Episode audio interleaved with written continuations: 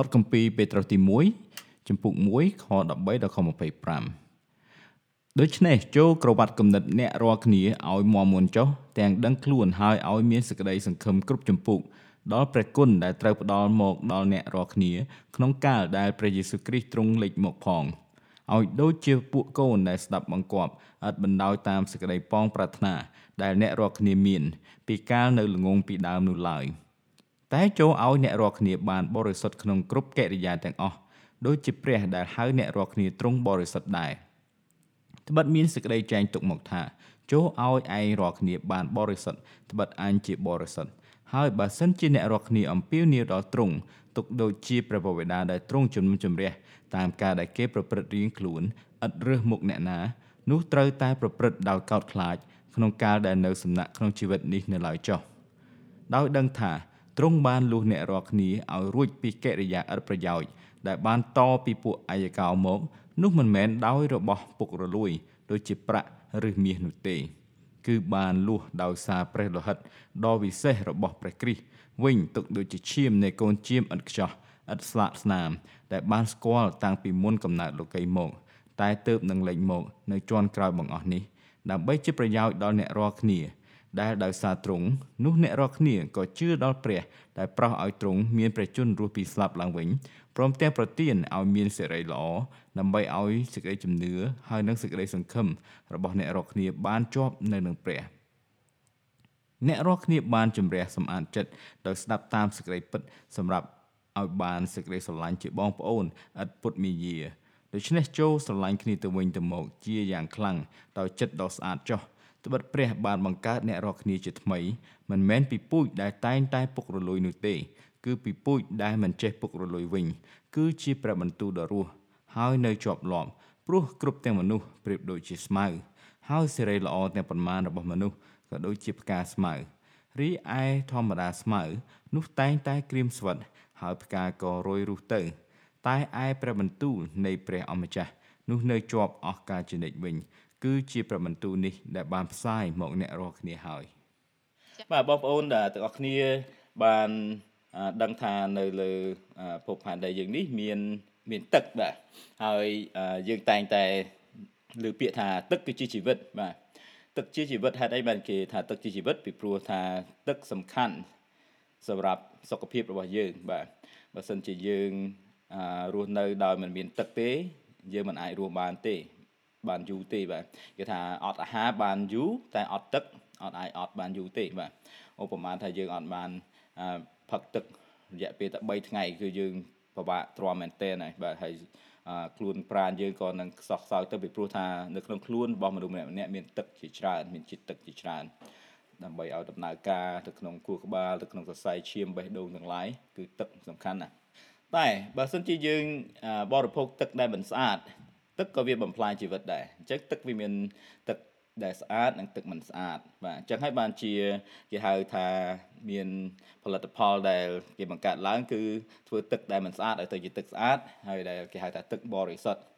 ឬក៏ថា pure drinking water បាទកាលដែលខ្ញុំនៅស្រុកខ្មែរពីតូចឡើងយើងមិនដែលស្គាល់មិនដែលឮអំពីថាមានទឹកបរិសុទ្ធទេពីព្រោះយើងដាំតែទឹក ដាំតែទឹកពីតយោឬក៏យើងបងប្អូនយើងញ៉ាំទឹកពីទលេពីអីមកអញ្ចឹងបាទប៉ុន្តែចាប់ពីដូចជាឆ្នាំ90ជាងមកនៅពេលនោះដូចថាមានវត្តមានពួកអង្គការសហជីវជាតិអីគេចូលមកអីចឹងទៅគេអត់ទុកចិត្តរឿងទឹកក្នុងស្រុកអីចឹងទៅហើយប្រជាជនយើងក៏ចាប់ផ្ដើមអឺ ចាប់អារម្មណ៍ពីការញ៉ាំទឹកឲ្យបានស្អាតជាមុនពីព្រោះទឹកតយោនៅប្រទេសខ្មែរកាលសម័យនោះគឺយើងអត់អាចទុកចិត្តថាផឹកបានទេឬក៏យើងដាំអីក៏វាអត់បានយើងយកទៅតាមដោយសារស្រុកយើងជាស្រុកក្តៅយើងមិនអាចយកទឹកទៅតាមគ្រប់ពេលវេលាអីចឹងអញ្ចឹងគេមានលក់ទឹកបរិសុទ្ធអីចឹងទៅនៅមនុស្សមនុស្សម្នាចាប់ដើមទិញទឹកទិញទឹកផឹកនៅពេលគេទៅដើរលេងគេទៅកំសាន្តកន្លែងផ្សេងផ្សេងចឹងហើយទឹកបរិសុទ្ធបានខ្លាយទៅជាអឺ ទៅជាផលិតផលមួយដែលគេផ្សាយលក់តាមទូរទស្សន៍តាមវិទ្យុតាមអីរាល់ថ្ងៃរហូតដល់សប្តាហ៍ថ្ងៃនេះមានក្រុមហ៊ុនទឹកបរិសុទ្ធជាច្រើនហើយឥឡូវនេះគេខំប្រឹងយកទឹកនៅពីប្រភពដែលល្អល្អដូចជាពីភ្នំពីអីមកអញ្ចឹងដើម្បីថាវាមានលក្ខណៈធម្មជាតិច្រើនអីចឹងទៅបាទមានប្រភេទទឹកដែលគេច្រោះច្រោះឲ្យបរិសុទ្ធនោះវាអឺ គេច្រោះខ្លះពីទឹកទន្លេពីទឹកទន្លេទឹកទយោទឹកអីហ្នឹងប៉ុន្តែខ្ញុំបានមានបទពិសោធន៍មួយបានកាលពីឆ្នាំ2000ជាងមុននឹងខ្ញុំមកស៊ីដនីនេះខ្ញុំមានឱកាសចូលទៅលេងប្រទេសសង្ហបុរីប្រទេសសិង្ហបុរី ហើយពេលនោះមិត្តភក្តិខ្ញុំបាននាំទៅលេងនៅរោងចក្រមួយនៅសិង្ហបុរីនោះដែលគេហៅថា Knee Water ជាកន្លែងដែលសិង្ហបុរីបានកែច្នៃទឹកបាទពីព្រោះនៅប្រទេសសិង្ហបុរីអឺជាដែនកោះមួយដែលអត់មានទឹកសាបទេអត់មានប្រភពទឹកសាបហើយទឹកដែលគេត្រងពីទឹកភ្លៀងនៅក្នុងអាងទឹករបស់គេធំធំនោះក៏គេប្រើសម្រាប់គ្រប់គង់ដល់ប្រជាជនជាទូទៅអញ្ចឹងតែគេបារម្ភពីការខ្វះខាតអញ្ចឹងគេមាន បច្ចេកវិទ្យាក្នុងការច្នៃទឹកហើយគេអាចនឹងច្នៃទឹកអំពីទឹកសមុទ្រឲ្យទៅជាទឹកទឹកសុទ្ធប្រើប្រាស់បានប៉ុន្តែអានោះច្នៃបានតិចប៉ុន្តែគេក៏បានមានកម្រិតមួយទៀតគឺច្នៃទឹកកខ្វក់ទឹកដែលចេញពីលូចេញពីទឹកពីហូរពីខ្នល់ពីអីហ្នឹងគេអត់បោះចោលទេគេប្រមូលយកទៅដើម្បីច្នៃឲ្យទៅជាទឹកសុទ្ធឡើងវិញ ហើយរោងចក្រ Ni Water នេះគឺជារោងចក្រដែលប្រើវិជាចម្រោះទឹកបច្ចេកវិទ្យាចម្រោះទឹកយ៉ាងទំនើបមែនទែនមានតែប្រមាណប្រទេសទេនៅលើពិភពលោកដែលអាចច្រោះទឹកនឹងបានហើយគេថាសូម្បីតែទឹកដែលចេញពីកន្លែងលាងចានរបស់យើងស្អីស្អីបើម៉ាស៊ីនបោកអាយអីហ្នឹងក៏គេអាចយកទៅឆ្នៃទៅបានដែរបាទដូច្នេះខ្ញុំបានចូលទៅមើលទៅក្នុងរោងចក្រហ្នឹងហើយឃើញថា វាមានប្រព័ន្ធដែលច្រោះនឹងអស្ចារ្យមែនទែនហើយគេតែតែបើកឲ្យអ្នកដែលចូលទៅមើលនោះបានឃើញពីវិច័យវិទ្យារបស់គេនឹងដូចថាដើម្បីបង្ហាញថានោះគឺជាមោទនភាពមួយរបស់ប្រទេសសិង្ហបុរីដែលគេប្រើវិច័យវិទ្យាច្រោះទឹកបានយ៉ាងទំនើបប៉ុន្តែប្រជាជននៅតែនៅតែសង្ស័យឬថាអត់ហ៊ានចង់ផឹកពីព្រោះថាអីផឹកទឹកពីបន្ទប់ទឹកពីប្រគុណរបស់ខ្លួនឡើងវិញទោះបីជាវាថ្លាក៏ដោយប៉ុន្តែមានអារម្មណ៍ថាទឹកនឹងវាចេញមកពីពីផ្ទះ ពីកន្លែងលាងដៃកន្លែងមានអីរបស់យើងដូចជាមានអារម្មណ៍ថាយើងស្រាវបាទប៉ុន្តែនាយករដ្ឋមន្ត្រីគេបានលើកទឹកចិត្តឲ្យប្រជាជននៅសម័យនោះគេបានគាត់បានធ្វើជា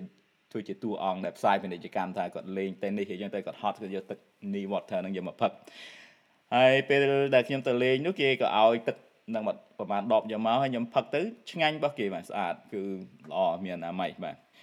ដូច្នេះដំណើរការពីទឹកកខ្វក់ទៅជាទឹកស្អាតគឺជា ការដែលអស្ចារ្យបាទមនុស្សអាចធ្វើបានពីទឹកកខ្វក់ឲ្យទៅជាទឹកស្អាត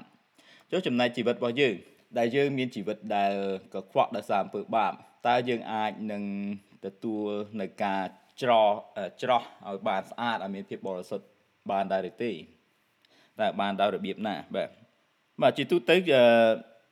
យើងដឹងថាជីវិតគ្រីស្ទៀនគឺជាជីវិតដែលបានទទួលសេចក្តីសង្គ្រោះដោយប្រគុណរួចហើយព្រះអង្គបានញែកជាបរិសុទ្ធហើយទទួលការ ត្រាស់ហៅមកឲ្យយើងបន្តធ្វើការងារល្អសម្រាប់ព្រះអង្គទាំងបងប្អូននិងខ្ញុំព្រះអង្គត្រូវហាស់ត្រាស់ហៅយើងមកឲ្យរស់នៅក្នុងភាពបរិសុទ្ធប៉ុន្តែជួនកាលយើងជាគ្រីស្ទបរិស័ទក៏យើងស្រឡាញ់ពាក្យបរិសុទ្ធនេះដូចយើងច្រៀងបរិសុទ្ធបរិសុទ្ធប៉ុន្តែជួនកាលយើងក៏ខ្លាចដែរយើងក៏ខ្លាចនៅពាក្យបរិសុទ្ធដែរពីព្រោះយើងដឹងច្បាស់ថា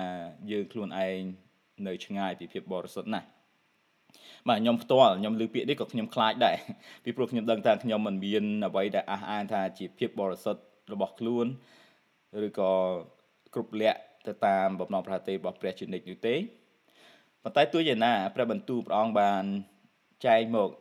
នៅពេត្រុសទី1នេះឲ្យយើងបានសម្លឹងទៅលើភាពបរិសុទ្ធរបស់ព្រះអង្គដូច្នេះខ្ញុំក៏ចែកចាយដោយ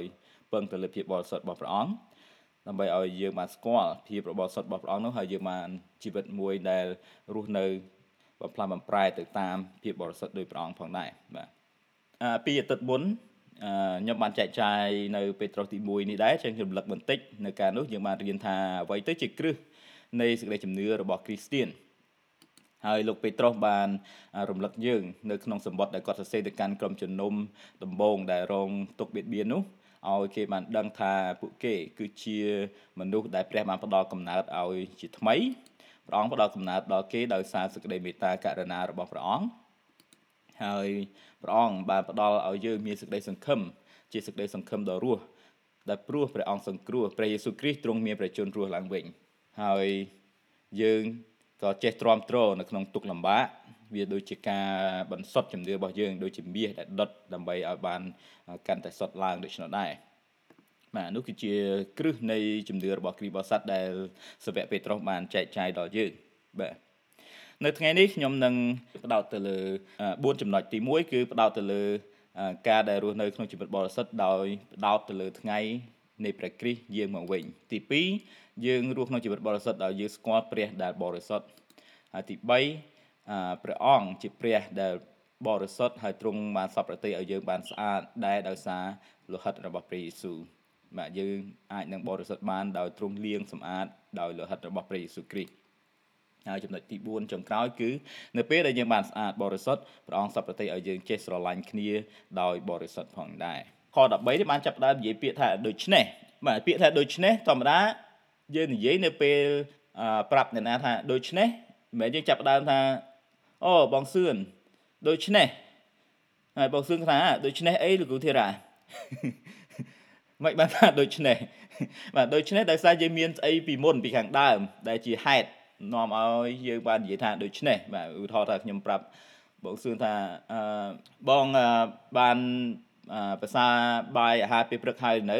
ហើយគាត់ប្រាប់ថាអូអត់តាន់បានទេព្រឹកមិញហើយចឹងបាទខ្ញុំសួរថាអញ្ចឹងដូច្នេះបងឃ្លានទេពេលនេះបាទអញ្ចឹងពាក្យថាដូច្នេះវាភ្ជាប់ទៅនឹងហេតុមួយទៅកាន់ផលមួយបាទ គឺថាភ្ជាប់កំណត់ពីរជាមួយគ្នាលោកពេត្រុសបានបញ្យល់ប្រាប់យើងបំបញ្ញមិញនេះអំពីគ្រឹះនៃជំនឿរបស់យើងថាយើងបានល្អបានសុចរិតហើយដោយសារប្រគុណរបស់ព្រះអង្គបាទដូច្នេះឥឡូវនេះ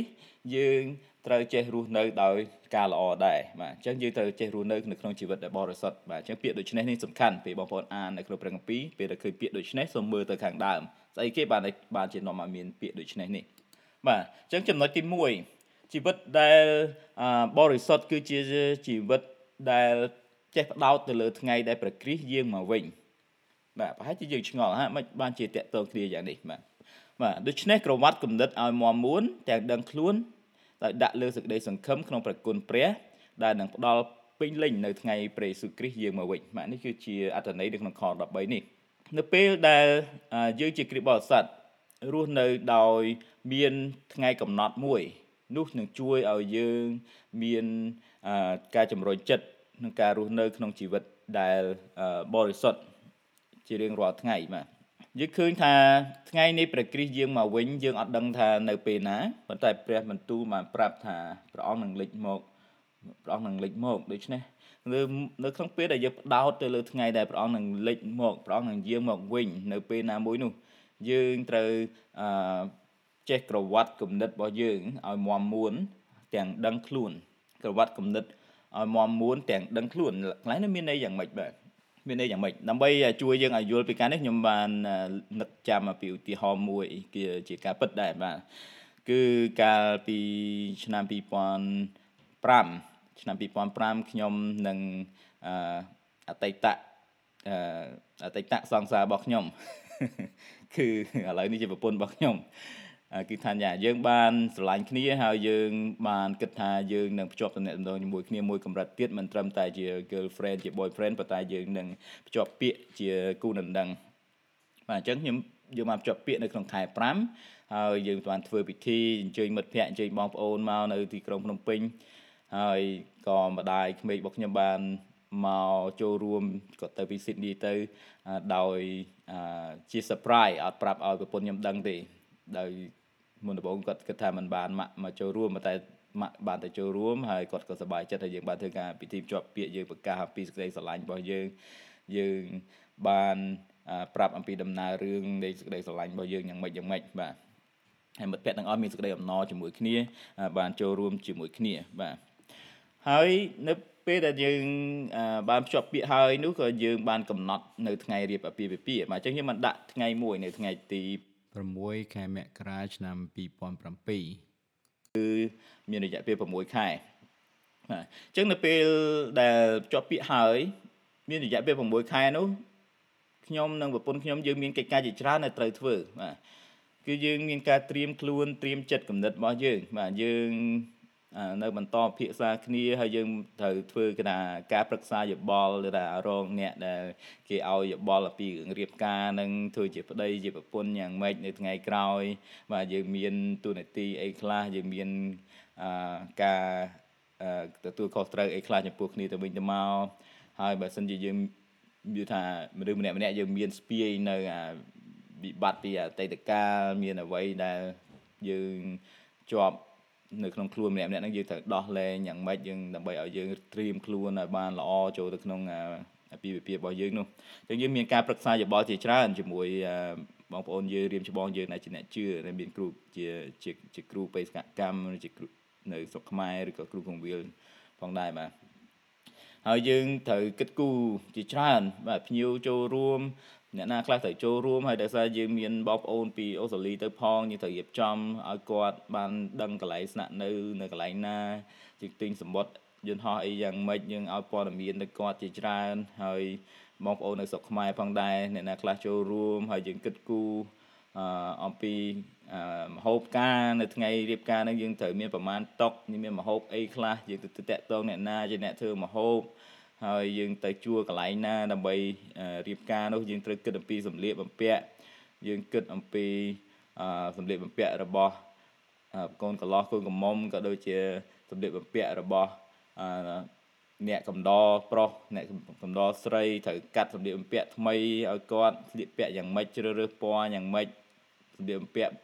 ទំនើបសម្លៀកបំពាក់បុរាណខ្មែរហើយ យើងក៏ត្រូវគិតអំពីផ្ទះដែលយើងនឹងត្រូវទៅរស់នៅជាមួយគ្នាយើងរៀបចំបែបយ៉ាងម៉េចបាទយើងត្រូវការសម្ភារៈអីខ្លះហើយសម្បត្តិស្នាមសម្រាប់រៀបការហើយដោយសារយើងរៀបការឆ្លងវប្បធម៌អញ្ចឹងយើងត្រូវសុំច្បាប់រដ្ឋជាច្រើនបាទខ្ញុំត្រូវរត់គ្រប់កន្លែងអញ្ចឹងនេះគឺជាឧទាហរណ៍មួយដែលថាយើងជីវិតយើងជាគ្រិស្តបរិស័ទក៏ដូចនោះដែរនៅពេលដែលយើងផ្ដោតទៅថ្ងៃដែលព្រះយេស៊ូវគ្រីស្ទយាងមកវិញយើងអត់យើងអត់ប្រហែសនៅពេលវេលាទេយើងដឹងថាយើងត្រូវ រៀបចំគំនិតរបស់យើងយើងត្រូវរៀបចំខ្លួនរបស់យើងយ៉ាងយ៉ាងណាសម្រាប់ថ្ងៃនោះតើយើងបណ្ដោយខ្លួនឲ្យជីវិតរបស់យើងរស់នៅអឺតែតោទៅតាមអឺគេហៅថានិស័យបាបឬក៏ទៅតាមថាយថាកម្មតាមអឺទៅតាមចំណងនិស័យរបស់យើងជាមនុស្សឬក៏យ៉ាងណា គឺមិនដូច្នោះទេយើងនឹងបដោតទៅលើថ្ងៃនោះឯងបាទបាទនេះឯងគឺជាជីវិតរបស់គ្រីស្ទបរិស័ទយើង ទាំងអស់គ្នារស់នៅដោយបរិសុទ្ធដោយផ្ដោតទៅលើថ្ងៃដែលព្រះយេស៊ូវគ្រីស្ទយាងមកវិញកុំឲ្យយើងភ្លេចគំនិតរបស់យើងយើងក្រវ៉ាត់គំនិតនោះមានន័យថាឲ្យគំនិតរបស់យើងនោះបានត្រៀមជារួចរាល់ឲ្យគំនិតរបស់ភាសាអង់គ្លេសនៅថា be alert ឲ្យយើងបានភ្ញាក់ដោយមិនបណ្ដោយទៅតាមពេលវេលានោះទេបាទបាទចំណុចទី2ដែលខ្ញុំចង់លើកឡើងនោះគឺថាព្រះអង្គបានប្រកាសឲ្យយើង មានជីវិតបរិសុទ្ធគឺដោយសារព្រះទ្រង់បរិសុទ្ធបាទនោះគឺជាមូលហេតុដែលយើងត្រូវរស់ក្នុងជីវិតដែលបរិសុទ្ធដែរថា be holy as I am holy បាទត្បិតមានសេចក្តីចែងទុកមកថាចូលឲ្យឯងរាល់គ្នាបានបរិសុទ្ធត្បិតអញជាបរិសុទ្ធបាទនោះគឺជាលក្ខណៈរបស់ព្រះអង្គម្ចាស់នៃយើងទ្រង់គឺជាព្រះដែលបរិសុទ្ធប៉ុន្តែចំណុចនៅក្នុងខ14បានថា ឲ្យដូចជាពួកកូនដែលស្ដាប់បង្គាប់ឥតបណ្ដោយតាមសេចក្តីប៉ងប្រាថ្នាដែលអ្នករាល់គ្នាមាន គឺការនៅល្ងងពីដើមនោះឡើយបាទបាទធម្មតាអឺយើងជាកូនយើងកើតមកយើងតែមានឪពុកម្ដាយហើយឪពុកម្ដាយគឺជាអ្នកនាំមុខរបស់យើងគឺជាអ្នកដឹកនាំហើយដូច្នេះកូនកូនគឺត្រូវតែដើរតាមលំនាំរបស់ពុកម្ដាយដើម្បីឲ្យយើងដឹងអំពីអ្វីជាល្អអ្វីជាអាក្រក់អ្វីជាត្រឹមត្រូវអ្វីជាមិនត្រឹមត្រូវ ពុកម្ដាយគឺជាបង្គោលក្នុងការណែនាំយើងណាអញ្ចឹងយើងដូចគ្នាដែរជាកូនរបស់ព្រះអង្គបើយើងមានព្រះដែលជាពុករបស់យើង យើងត្រូវរៀនធ្វើជាកូន ដែលចេះស្ដាប់បង្គាប់ឪពុករបស់យើងបាទដូចជាកូនទាទាំងអស់នេះដែលវាដើរតាមមេរបស់វាបើសិនជាវាមិនមានមេនាំមុខទេបាទវាមិនដឹងដើរទៅណាទេអាមួយដើរទៅឆ្វេងអាមួយដើរទៅស្ដាំបាទហើយតែសារតែមានមេដើរនាំមុខ ចឹងវាមានទិសដៅទៅវាត្រូវស្ដាប់បង្គាប់វាត្រូវដើរតាមជំហានរបស់មេទានេះហើយជួនកាលយើងឃើញថាសំបីតែមេទាដើរកាត់ឆ្លងខ្នល់ក៏ជួនកាលអាចឆ្លងបានទៀតដោយសារតែអ្នកបាក់ឡានមើលទៅឃើញថាមានមេមានកើអញ្ចឹងទៅគាត់ឈប់បន្តិចទៅអាកូនទាទាំងអស់អាចដើរតាមមេវាឆ្លងខ្នល់បានរួចជីវិតអត់មានឡានកិនពីលើបាទចឹងយើងធ្វើជាកូនដែលស្ដាប់បង្គាប់ដល់ព្រះអម្ចាស់បាទ បាទដូចជាឪពុកយើងដែលទ្រង់មានភាពបរិសុទ្ធយើងត្រូវធ្វើជាកូនដែលបរិសុទ្ធបាទយើងដឹងថាយើងទាំងអស់គ្នាមិនមែនមានភាពស្វ័យប្រវត្តិមកចេះស្ដាប់បង្គាប់ព្រះនោះទេ គឺដោយសារតែព្រះអង្គជាមុនទ្រង់ជាមុនដែលស្រឡាញ់ដល់យើង បាទយើងដូចជាកូនដែលវង្វេងពីទ្រង់ប៉ុន្តែពេលដែលព្រះអង្គហៅយើងមកព្រះអង្គហៅយើងចូលទៅក្នុងក្រោលរបស់ទ្រង់ដូច្នេះការដែលយើងចូលទៅក្នុងក្រោលរបស់ព្រះអង្គ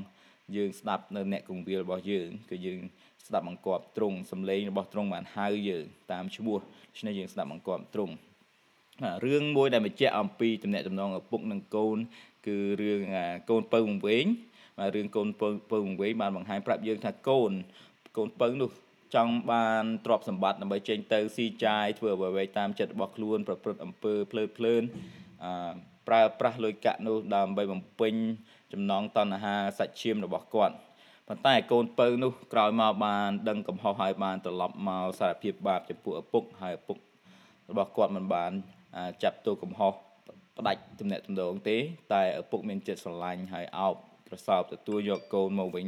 ដោយសេចក្តីអាណិតមេត្តាហើយផ្ដល់កិត្តិយសនិងផ្ដល់សម្លៀកបំពាក់ថ្មីផ្ដល់ពិធីជប់លៀងទៅដល់កូនទៀតផងដែរបាទអញ្ចឹង ពាក្យដែលថាឲ្យយើងធ្វើជាកូនដែលចេះស្ដាប់បង្គាប់ឥតបណ្ដោយតាមសេចក្តីប៉ងប្រាថ្នាដែលយើងមាននេះគឺមានន័យដូច្នោះឯងគឺមានន័យដូចជាកូនពៅដែលចេះត្រឡប់មកហើយយើងសារភាព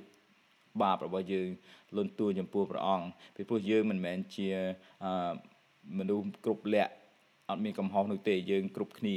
ទាំងបងប្អូននិងខ្ញុំយើងមានកំហុសយើងមានបាបដូច្នេះយើង ត្រឡប់មករកឪពុករបស់យើងព្រះបិតារបស់យើងហើយទ្រង់ជាព្រះដែលមានមេត្តាករុណាចំពោះកូនដែលចេះអត់សុំការលុតទោសពីទ្រង់ព្រះអង្គទ្រង់ជ្រាបពីកិរិយារបស់យើងយ៉ាងច្បាស់ថាមិនមែនចេញពីចិត្តបរិសុទ្ធទេតែព្រះអង្គ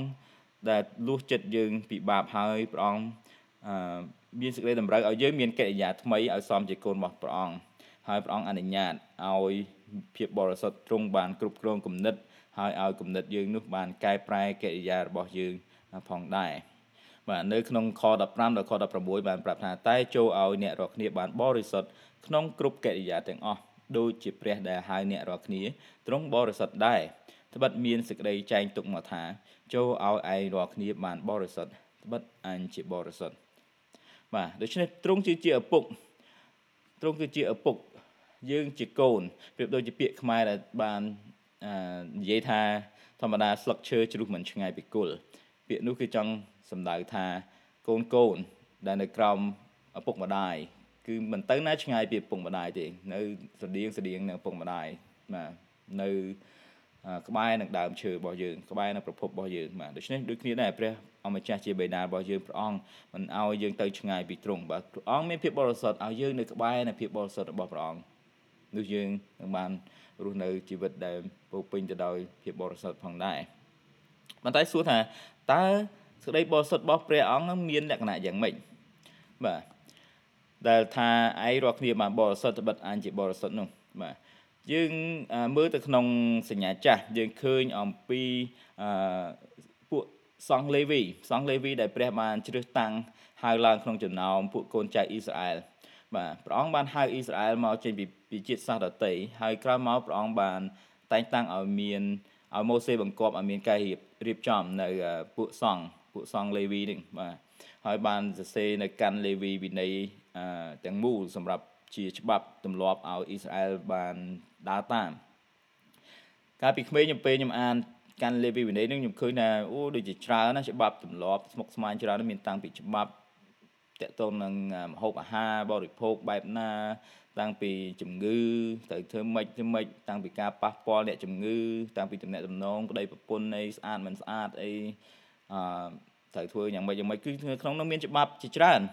ប៉ុន្តែដល់ពេលយើងយល់អំពីបំណងប្រាថ្នាព្រះអង្គមកយើងដឹងថាគឺតាមពិតដោយសារព្រះអង្គទ្រង់ជាព្រះដែលបរិសុទ្ធហើយព្រះអង្គចង់ឲ្យអ៊ីស្រាអែលអឺ យល់និងចេះរស់នៅក្នុងភាពជារាជរបស់បរិសុទ្ធនឹងហើយបានជាព្រះអង្គបានដាក់ឲ្យមានសង្ឃលេវីជាគំរូជាអ្នកដឹកនាំជាអ្នកចាត់ចែង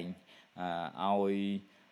ពួកអ៊ីស្រាអែលចេះរស់នៅក្នុងភាពបរិសុទ្ធជាសង្គមមួយថ្មី ជារាជរបស់ព្រះដែលត្រូវតែអនុវត្តតាមភាពបរិសុទ្ធរបស់ព្រះអង្គបាទអញ្ចឹងសង្ឃលេវីមានមានទូនាទីយ៉ាងសំខាន់ដើរទូនាទីយ៉ាងសំខាន់សម្រាប់បង្រៀនពួកអ៊ីស្រាអែលអំពីជីវិតបរិសុទ្ធនៅក្នុងព្រះអង្គ ពួកគេមានកងត្រាមានកងត្រាជាមួយព្រះក្នុងការរស់នៅជាគំរូដើរតាមភាពបរិសុទ្ធរបស់ព្រះអង្គគ្រប់បែបយ៉ាងនោះហើយនោះឯងគឺជាការឆ្លុះបញ្ចាំងឲ្យយើងឃើញថាដោយសារព្រះអង្គទ្រង់បរិសុទ្ធបាទនៅពេលដែលលោកម៉ូសេទៅទៅជួបព្រះនៅលើភ្នំព្រះអង្គបានថាចូលឲ្យឯងដោះស្បែកជើងឡើងព្រោះទីនេះជាទីបរិសុទ្ធហើយមានភ្លើងឆេះនៅគុំបន្លាកគាត់អត់មើលឃើញព្រះអង្គទេប៉ុន្តែព្រះអង្គចង់បង្ហាញឲ្យម៉ូសេដឹងថា គឺទ្រង់ជាព្រះដ៏បរិសុទ្ធបាទហើយដូច្នេះបានជាព្រះគម្ពីរប្រាប់ថាសេចក្តីបរិសុទ្ធរបស់ព្រះអង្គនោះគឺមិនមានអ្នកណាអាចនឹងថ្លែងបាន គឺយើងគ្រប់គ្នាមិនអាចចូលទៅប៉ះពាល់ព្រះអង្គបានមិនអាចឃើញព្រះអង្គបានទេពីព្រោះយើងជាមនុស្សមានបាបព្រះអង្គទ្រង់បរិសុទ្ធបាទព្រះអង្គញែកដាច់អំពីភាពសៅមងរបស់មនុស្សអំពើបាបរបស់មនុស្ស តែព្រះអង្គសពប្រតិឲ្យពួកអ៊ីស្រាអែលបានស្គាល់ភាពបរិសុទ្ធតាមរយៈច្បាប់វិន័យរបស់ទ្រង់ហើយតាមរយៈពួកសង្ឃលេវីនេះឯងដែលជាអ្នកដឹកនាំពួកគេបាទចំណុចមួយទៀតដែលបញ្ជាក់ឲ្យយើងជាគ្រីស្ទបរិស័ទត្រូវប្រើជីវិតរបស់យើងរស់នៅក្នុងភាពបរិសុទ្ធរបស់ព្រះដោយយើងដឹងអំពីព្រះអង្គដែលជាព្រះកាត់ក្តីមិនលំអៀងព្រះអង្គគឺជាព្រះដែលជំនុំជម្រះនៅ គ្រប់ជីវិតទាំងអស់ដោយមិនមានលំអៀងទៅលើអ្នកណាឡើយបាទអឺនៅក្នុងខបាទនៅក្នុងខ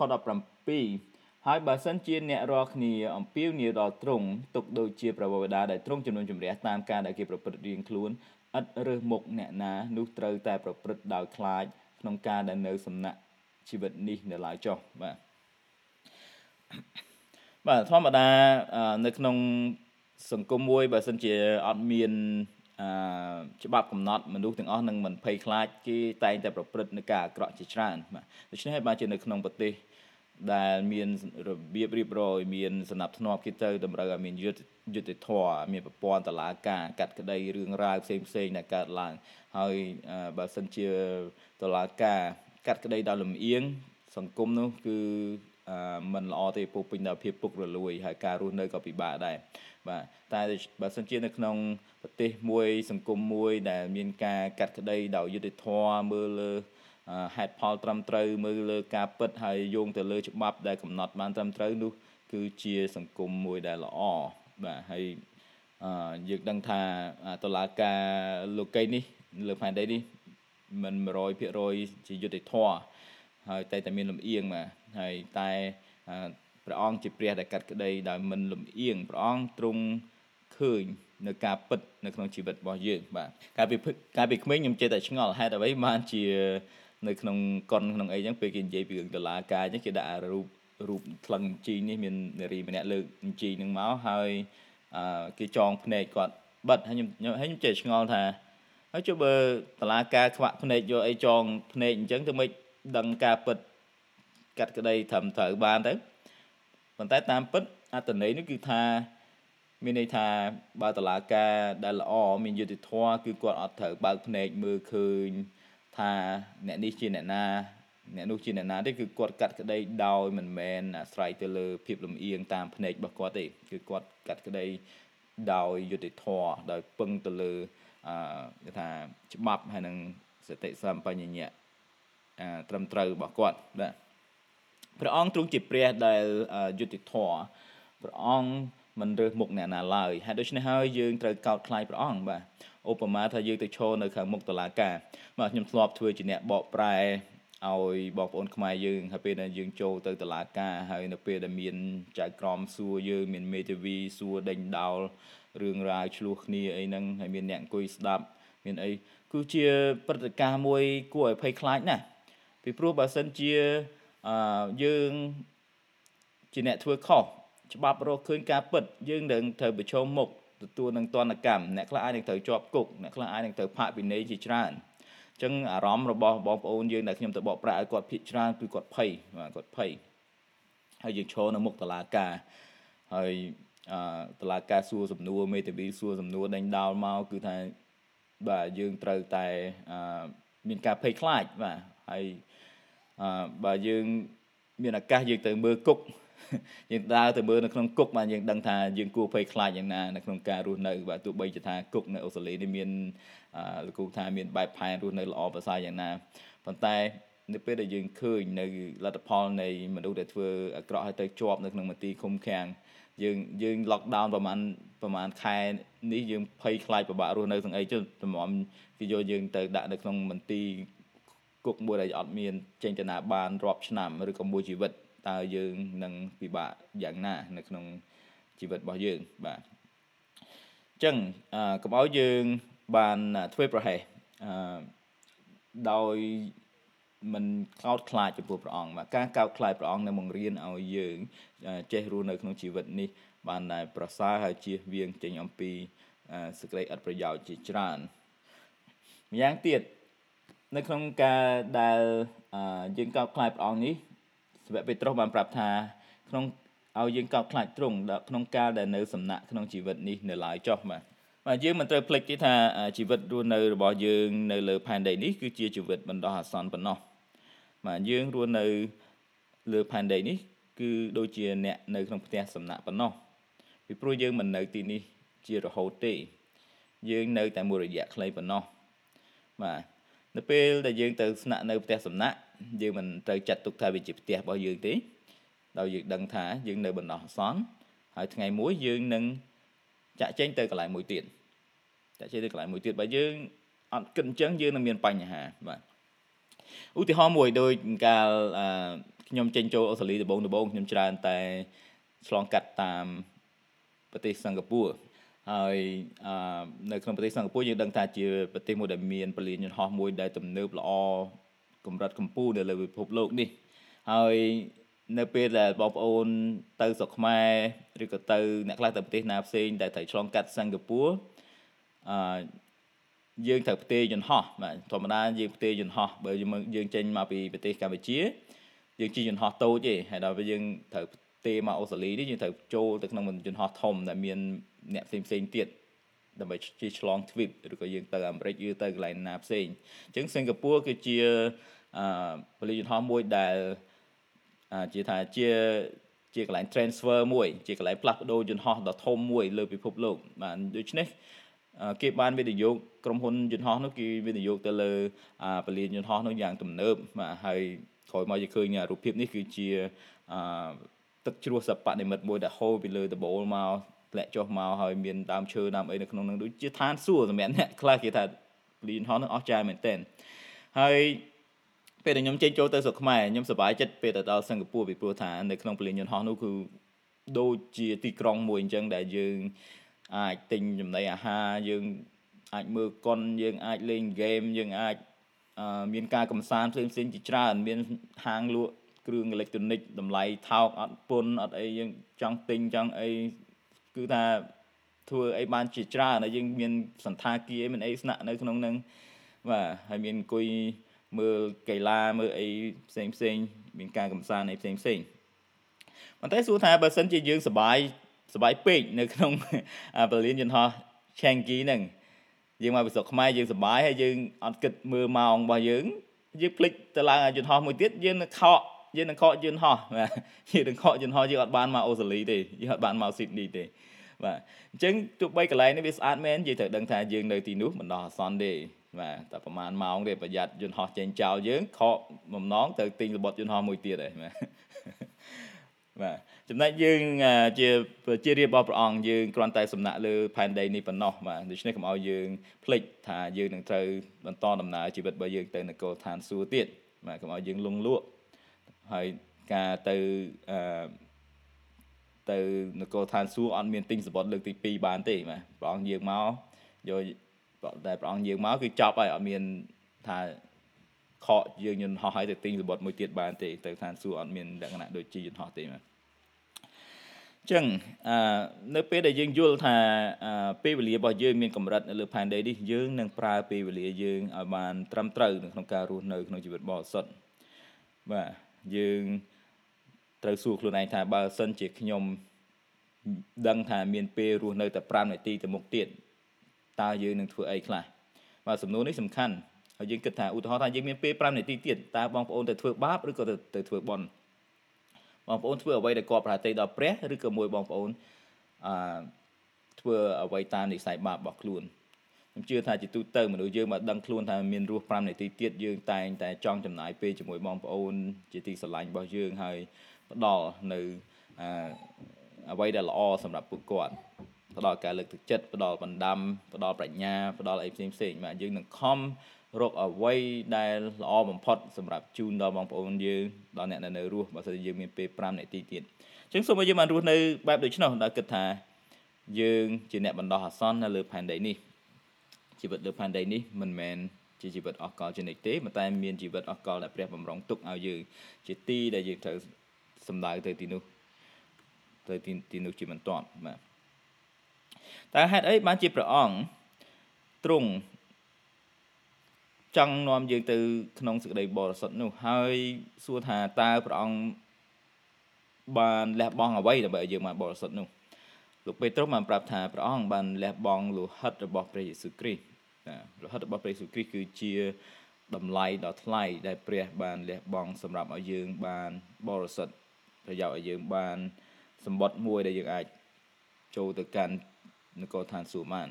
សប្តាហ៍ថ្ងៃនេះអ្នកមានជាងគេនៅលើពិភពលោកនេះគឺលោក Jeff Bezos គាត់ជាជនជាតិអាមេរិកហើយដែលគាត់កាន់កាប់ក្រុមហ៊ុនយក្សមួយដ៏ធំរបស់អាមេរិកដែលមានឈ្មោះថា Amazon ហើយយើងដឹងថា Amazon នេះក៏មាននៅប្រទេស អូស្ត្រាលីដែរគាត់ចែងកិច្ចការក្រុមហ៊ុន Amazon ទូទាំងពិភពលោកដើម្បីលក់ទំនិញតាមអនឡាញហើយចំណូលរបស់គាត់បានពីការលក់ទំនិញនោះគឺមានធំមែនតើដែលគាត់ខ្លាចជាអ្នកមានមានទ្រព្យសម្បត្តិដល់ទៅ187កោតដុល្លារ187ពាន់ពាន់លានដុល្លារគាត់ចាប់ផ្ដើមពីលក់សភៅទេលក់សភៅតាមអនឡាញមុនដំបូង ប៉ុន្តែក្រោយមកគាត់មានគំនិតមានប្រាជ្ញាបែងចែកទៅជាគេថាពាណិជ្ជកម្មលក់តាមអនឡាញទូទាំងពិភពលោកបាទបងប្អូនចង់ទិញទំនិញ Amazon មាន app Amazon ក្នុងទូរស័ព្ទកំងទិញពីណាក៏មានប្រភេទអីក៏មានដែរប្រភេទទំនិញស្អីក៏មានដែរតាំងពីសាប៊ូកក់សក់រហូតទៅដល់កុំព្យូទ័រដល់ទំនិញអីហើយមកលឿនដល់ទីតាំងដល់ផ្ទះរបស់យើងផងដែរហើយឥឡូវគាត់ពង្រីកក្រុមហ៊ុនទៅជាផ្នែកប ច្ចេកវិទ្យាផ្នែកយានអវកាសផ្នែកស្អីស្អីជាច្រើនទៀតហើយមាន Amazon Prime Video យើងមើលកុនមើលអីសពមកចប់មកសពគ្រប់បើនៅប្រទេសសិង្ហបុរីវិញជាប្រទេសតូចបងប្អូនប្រជាតំណែងតាម Amazon តែ2ម៉ោងឯងទៅដល់ហ្មងបើនៅអូស្ត្រាលីយើង2 3ថ្ងៃ4ថ្ងៃមួយអាទិត្យអីបាទតែនៅសិង្ហបុរីតែ2ថ្ងៃតែ2ម៉ោងគេយកទៅឲ្យដល់ផ្ទះបាទជាក្រុមហ៊ុនដែលល្បី ប៉ុន្តែយើងដឹងថាទោះបីគាត់ជាអ្នកដែលមានទ្រព្យសម្បត្តិជាច្រើនយ៉ាងដូច្នោះក៏ទ្រព្យសម្បត្តិទាំងនោះมันអាចយកទៅលុបលាងនៅទូកំហុសអំពើបាបរបស់មនុស្សណាម្នាក់បាននោះទេតម្លៃនៃឈាមរបស់ព្រះយេស៊ូវគ្រីស្ទព្រះលោហិតរបស់ព្រះយេស៊ូវគ្រីស្ទគឺមានតម្លៃខ្ពស់ដែលគ្មានទ្រព្យសម្បត្តិណាលើលោកីនេះដែលអាចនឹងអឺមានតម្លៃស្មើបាននៅឡើយបានជាពេត្រុសបានថា ទ្រង់លួសអ្នករាល់គ្នាឲ្យរួចពីកិរិយាប្រព្រឹត្តឥតប្រយោជន៍នោះដែលបានតពីពួកអាយកានោះមិនមែនដោយរបស់ពុករលួយដូចជាប្រាក់ឬមាសនោះទេបាទគឺព្រះប្រាក់ឬមាសមិនអាចនឹងអឺលុះបាបយើងបានទេប៉ុន្តែដោយសារលោហិតរបស់អង្គព្រះយេស៊ូវគ្រីស្ទវិញដូច្នេះសួរថាតើអ្វីទៅជាប្រយោជន៍នៃការដែលយើងជាគ្រីស្ទបរិស័ទគួរមានភាពបរិសុទ្ធដោយព្រះអង្គនោះនៅក្នុងព្រះគម្ពីរបានប្រាប់ថា មានប្រយោជន៍ឲ្យយើងទាំងអស់គ្នាបានមានចិត្តដែលបរិសុទ្ធហើយឲ្យយើងត្រូវចេះស្រឡាញ់គ្នាដោយបរិសុទ្ធផងដែរក្នុងខ22អ្នករាល់គ្នាបានជំរះសម្អាតចិត្តដោយស្ដាប់តាមសេចក្តីពិតសម្រាប់ឲ្យបានសេចក្តីស្រឡាញ់ជាបងប្អូនឥតពុតមាយាដូច្នេះចូលស្រឡាញ់គ្នាទៅវិញទៅមក ជាយ៉ាងខ្លាំងដោយចិត្តដ៏ស្អាតចុះព្រះអង្គចង់ឲ្យយើងជាកូនរបស់ទ្រង់បានរស់នៅជាគ្រួសារដែលមានសេចក្តីស្រឡាញ់ស្មោះត្រង់បាទសេចក្តីស្រឡាញ់ ដែលឥតពុតមាយាបាទព្រះគម្ពីរប្រាប់យើងថាសេចក្តីស្រឡាញ់ដែលឥតពុតមាយានោះគឺដូចជានៅក្នុងកូរិនថូសខ្សែទី1ចំពុក13បានប្រាប់យើងអ្នកមានចិត្តស្រឡាញ់តែងតែអត់ធ្មត់ជួយធុរៈគេ ហើយមិនចេះឈ្នានីសគេ អ្នកមានចិត្តស្រឡាញ់មិនវាយរកខ្ពស់មិនអួតបំប៉ោងឡើយអ្នកមានចិត្តស្រឡាញ់មិនប្រព្រឹត្តអំពើថោកទាបមិនស្វែងរកប្រយោជន៍ផ្ទាល់ខ្លួន មិនមួម៉ៅមិនចងគំនុំមិនអបអរនឹងអំពើទុច្ចរិតទេ